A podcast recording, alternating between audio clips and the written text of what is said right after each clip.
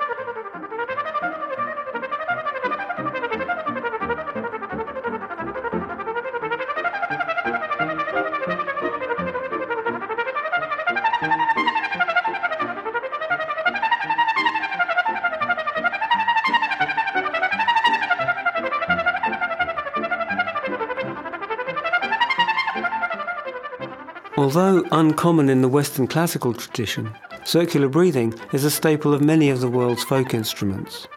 As we just heard, it brings freedom from having to work in sentence length phrases. No Western composer before the mid 20th century would have written the piece we just heard for winds. It would have been considered unplayable. In fact, it was written by Niccolo Paganini for the violin back in 1835. So, what is circular breathing? Essentially, it's learning how to become a human bagpipe. You breathe in deeply, you fill your cheeks with air and play. Then, as you approach the end of a breath, you maintain the flow of air moving into the horn from the mouth cavity using cheek muscles and the tongue, while at the same time quickly breathing in through the nose. You can practice with a straw and a glass of water. It takes time and a great deal of skill to sustain an even tone, but the results speak for themselves. By the middle of the last century, the technique was being used by a number of jazz musicians, notably Roland Kirk and Evan Parker, and it changed the nature of the solo, which no longer needed to be broken into smallish chunks.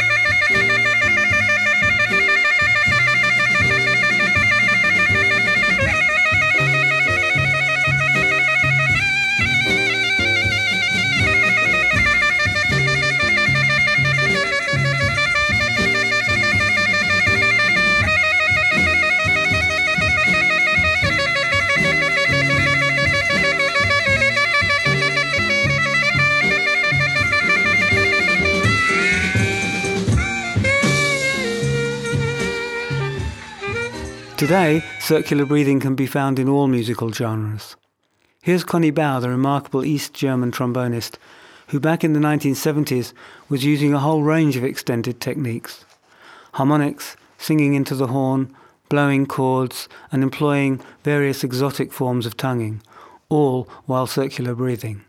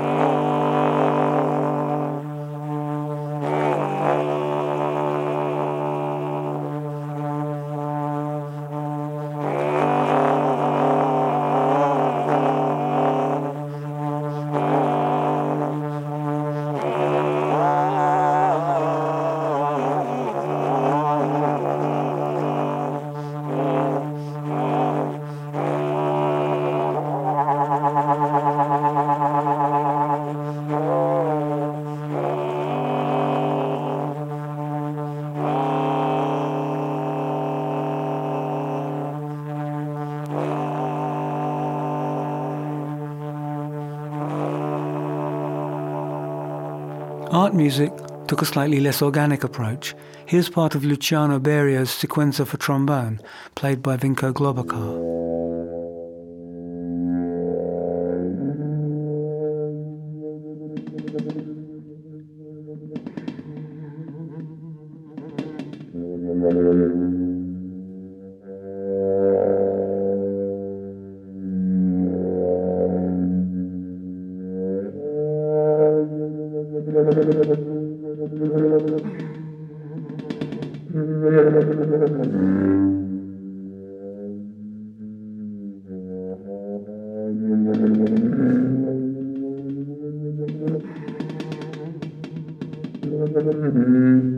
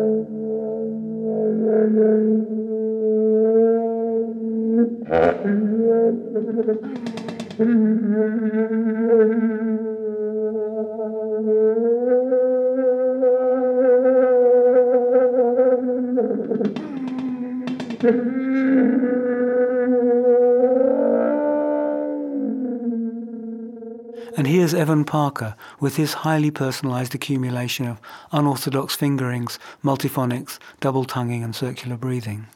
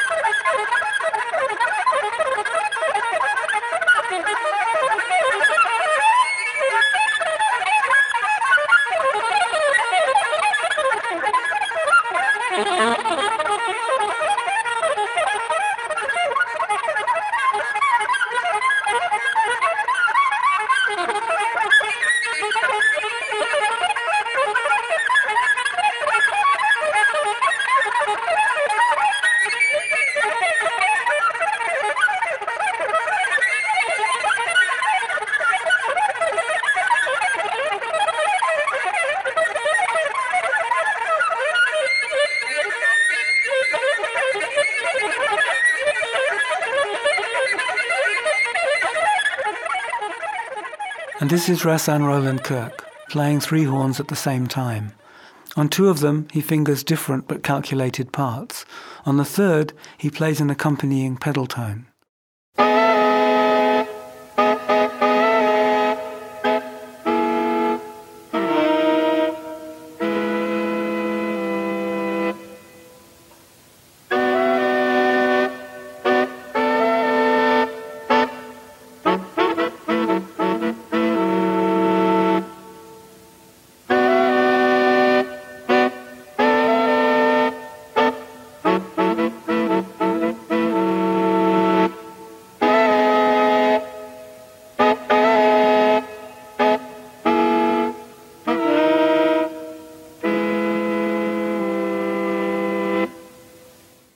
In fact, pioneered a whole catalogue of novel techniques. Here, he's playing the flute while singing into it at the same time, a style he made famous and which was much imitated, though seldom equalled. The curious whistle you can also hear in this recording is a nose flute, which Kirk fits in between the flute notes.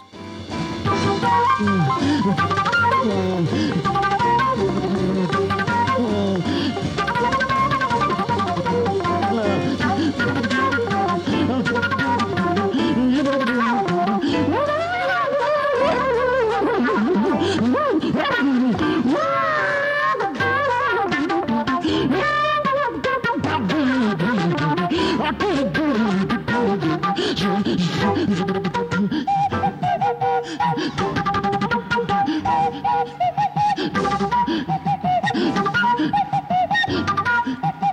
on, nose, take everything.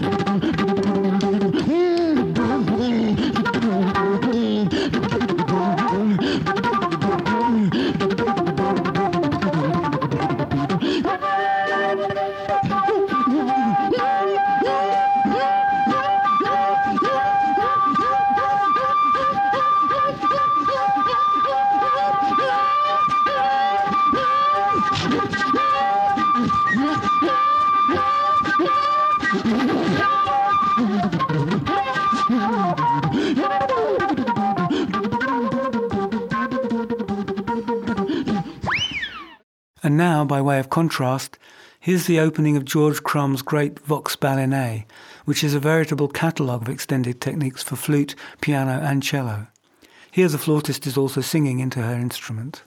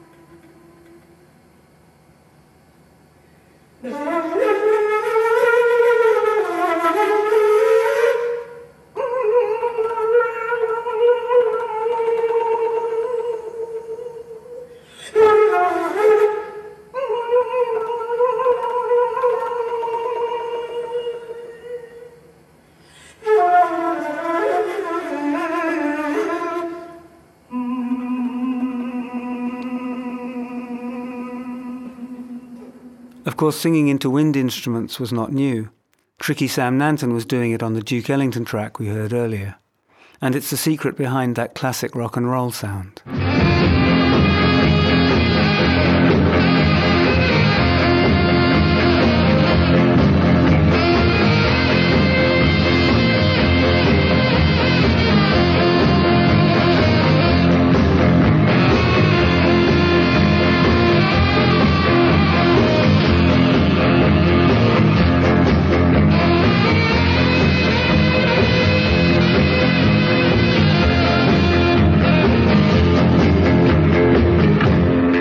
New aesthetics emerged in the late 90s, in part in the ambit of composers like Helmut Lachenmann.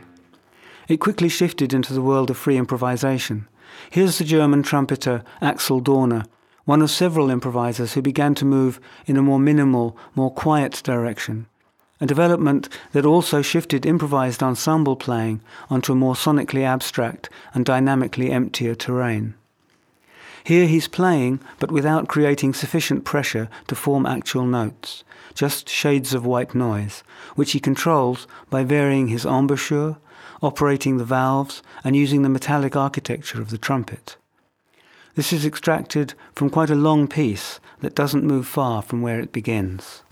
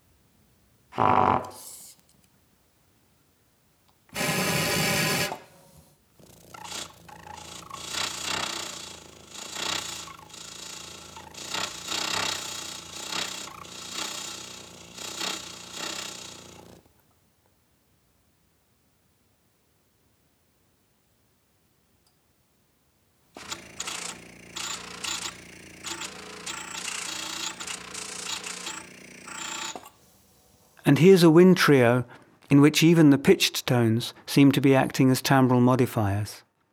What kind of music is this? A contemporary composition? A jazz improvisation? When you decide, what gave it away?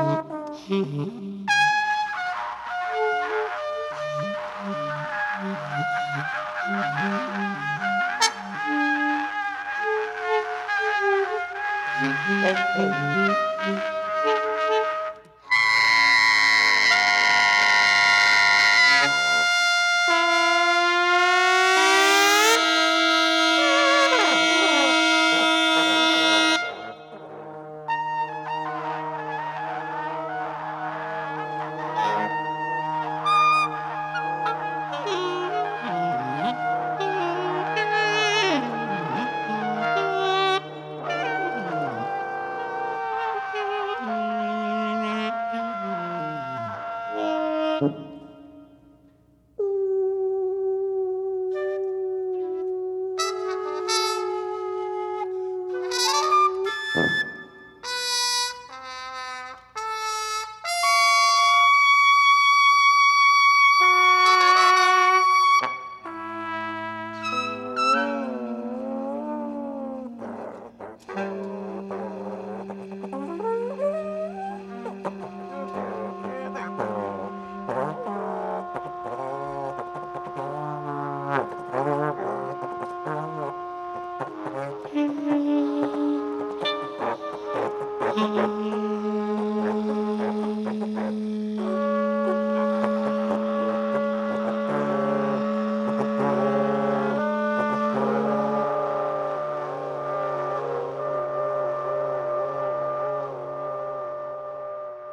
That was Roscoe Mitchell, George Lewis, and Leo Smith.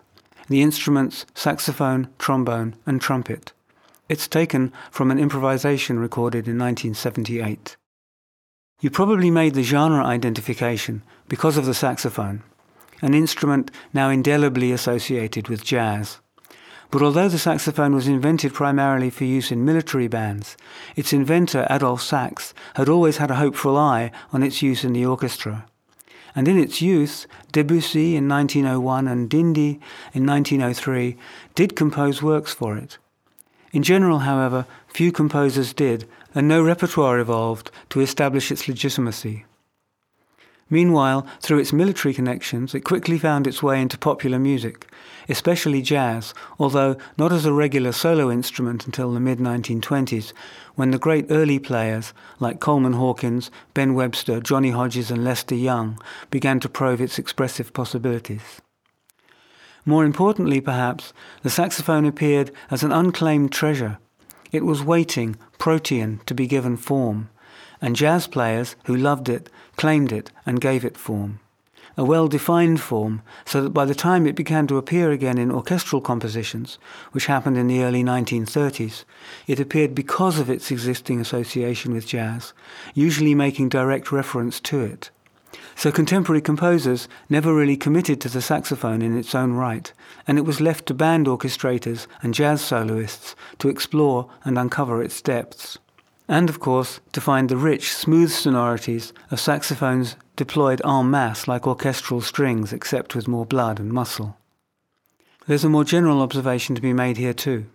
Orchestral instruments, like their players, are expected to issue individuality and personality, while in a jazz context, the great soloists raise their instruments to a state so human and profane that an orchestra setting would have been, as Raymond Chandler put it, about as inconspicuous as a tarantula on a slice of angel cake. Orchestras, like national radio stations, learn to speak in received pronunciation, while jazz musicians jive in dialect and slang. You can identify any great soloist after just a few bars from their sound alone, never mind the style. Think Ben Webster, Lester Young, Pharoah Sanders, Lol Coxhill or Earl Bostic. In short, the saxophone was avoided by the art music world because consciously or unconsciously it was considered too compromised by its low associations and excess of personality. The small repertory of contemporary music that has been written for the saxophone, with a few noteworthy exceptions, has tended therefore to be either referential or exotic, and has been sustained by commissions from individual performers in need of repertoire, like Daniel Kientzy, who imports jazz techniques, mostly toned down and cleaned up, into the more formal discourses of the art music world. But here's a non referential extract from a contemporary work. In this section, composer Vitor Rua gives far more space than usual to a percussive wind technique usually heard only in passing. This is Daniel Kientzy playing a part of Victor Rua's sax opera.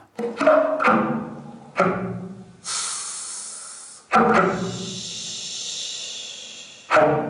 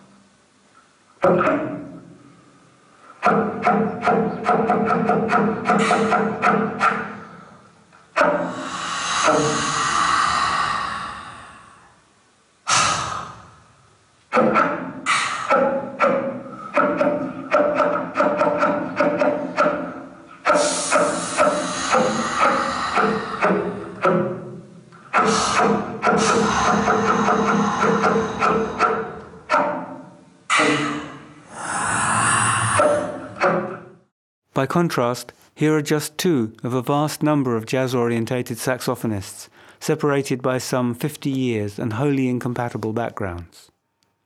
From jazz, the orchestra's John Gilmore.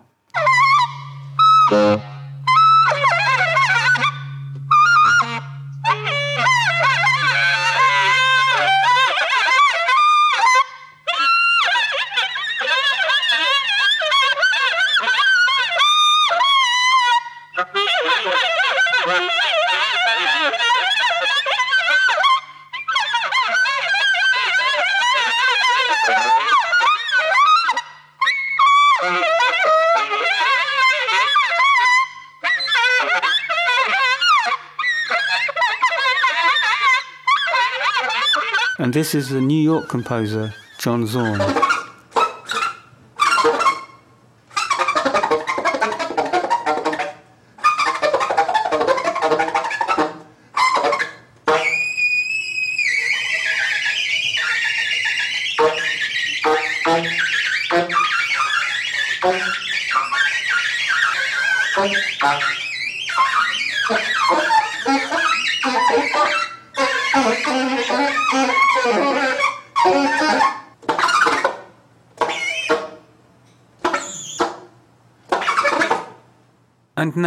Drier, more neutral, more European approach to the saxophone, which could only have emerged in the post jazz milieu of late 1983 improvisation. This is John Butcher in more extreme mode with Swan Style from 2002.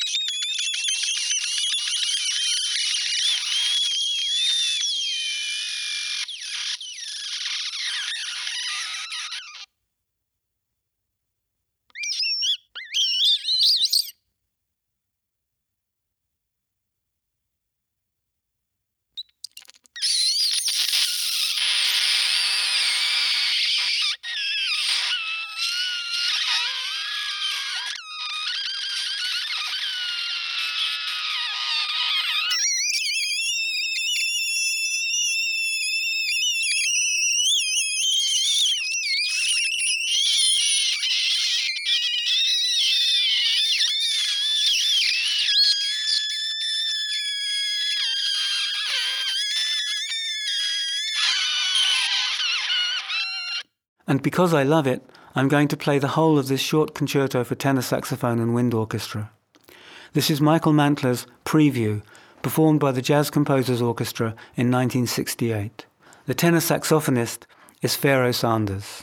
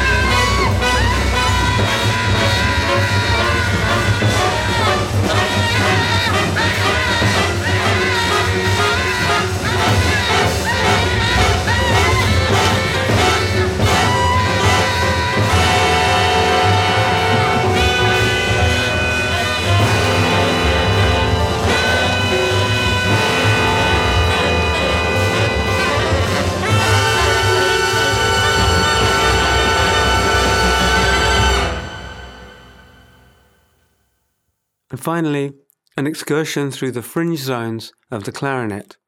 This is Tim Hodgkinson.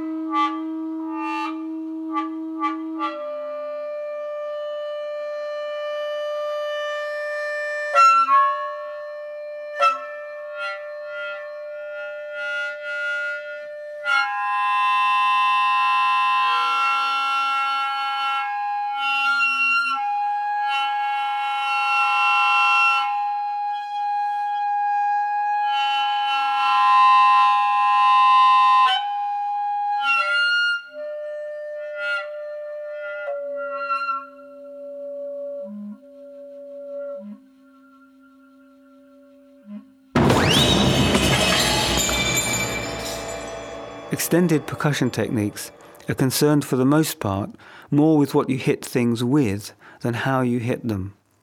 Candidates include knitting needles, coins, vibrators, screw rods, egg whisks, electric razors, and rolled up newspapers. Cymbals, gongs, bowls, vibraphones, and miscellaneous metal resonators can also be played with a bow, usually a cello bow. Drummer Eddie Prevost, 50 years in AMM on his CV, has his master's in cymbal bowing. Here he is in 2001 on Mostly Bowing.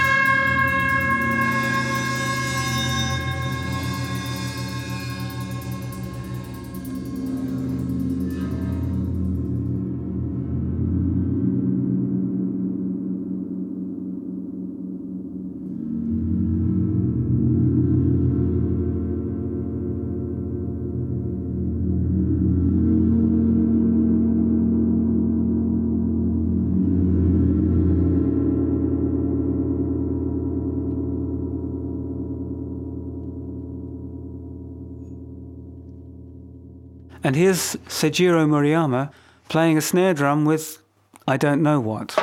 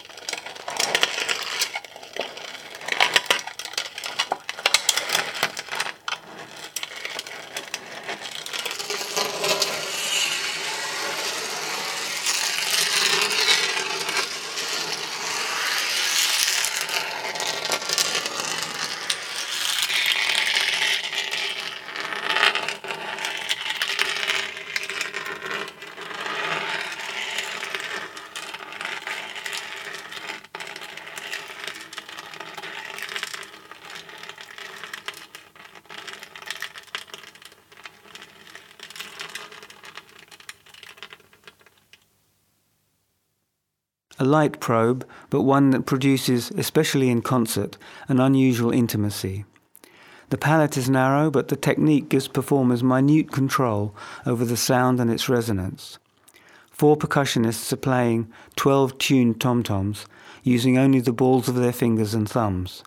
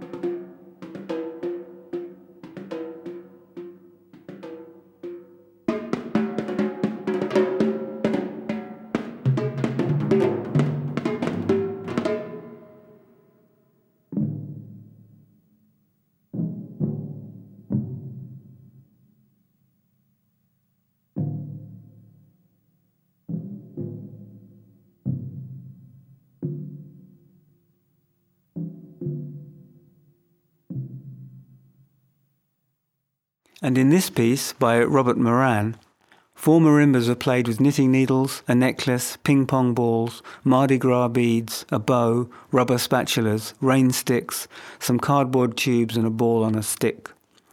This is the Iowa Percussion Ensemble interpreting Stems and Roots, a graphic score dating probably from the late 1960s.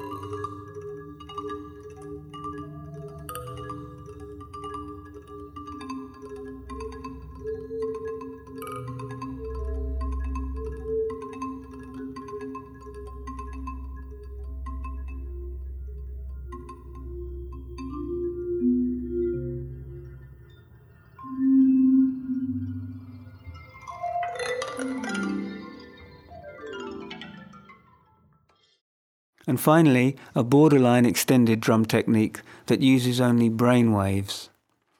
In 1965, the American composer Alvin Lucier, who was then working at Brandeis University, met Edmund Dewan, who was working next door on brainwave research for the US Air Force. Lucier managed to borrow some electrodes and a brainwave amplifier, which he reconfigured so that it would route his alpha wave data directly to some loudspeakers. The speakers reacted strongly but made no sound because brainwave frequencies fall outside the range of human hearing. But by placing the speakers on or near various percussion instruments, Lucier could play them by controlling his alpha waves. And since alpha waves are at their strongest, when an attentive mind is at rest, in order to perform, Lucier had to learn to regulate his mental states through a kind of focused inactivity. Here's the beginning of a revised version of the piece that Lucier recorded in 1980. This is music for alpha waves, assorted percussion, and automated coded relays.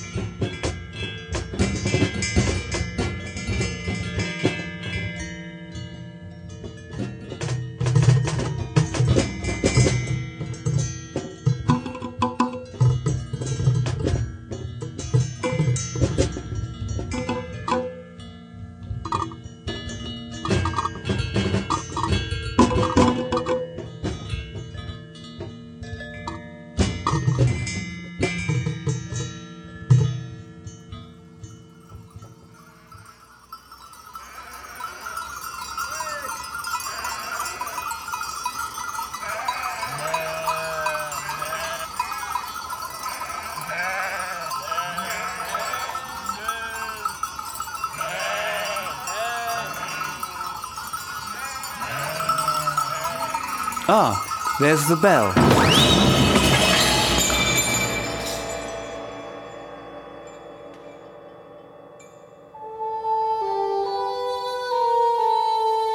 In the next program, we'll turn our attention to the extended voice.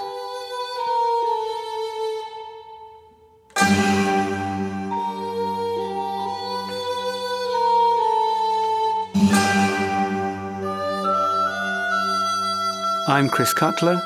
This has been Probes.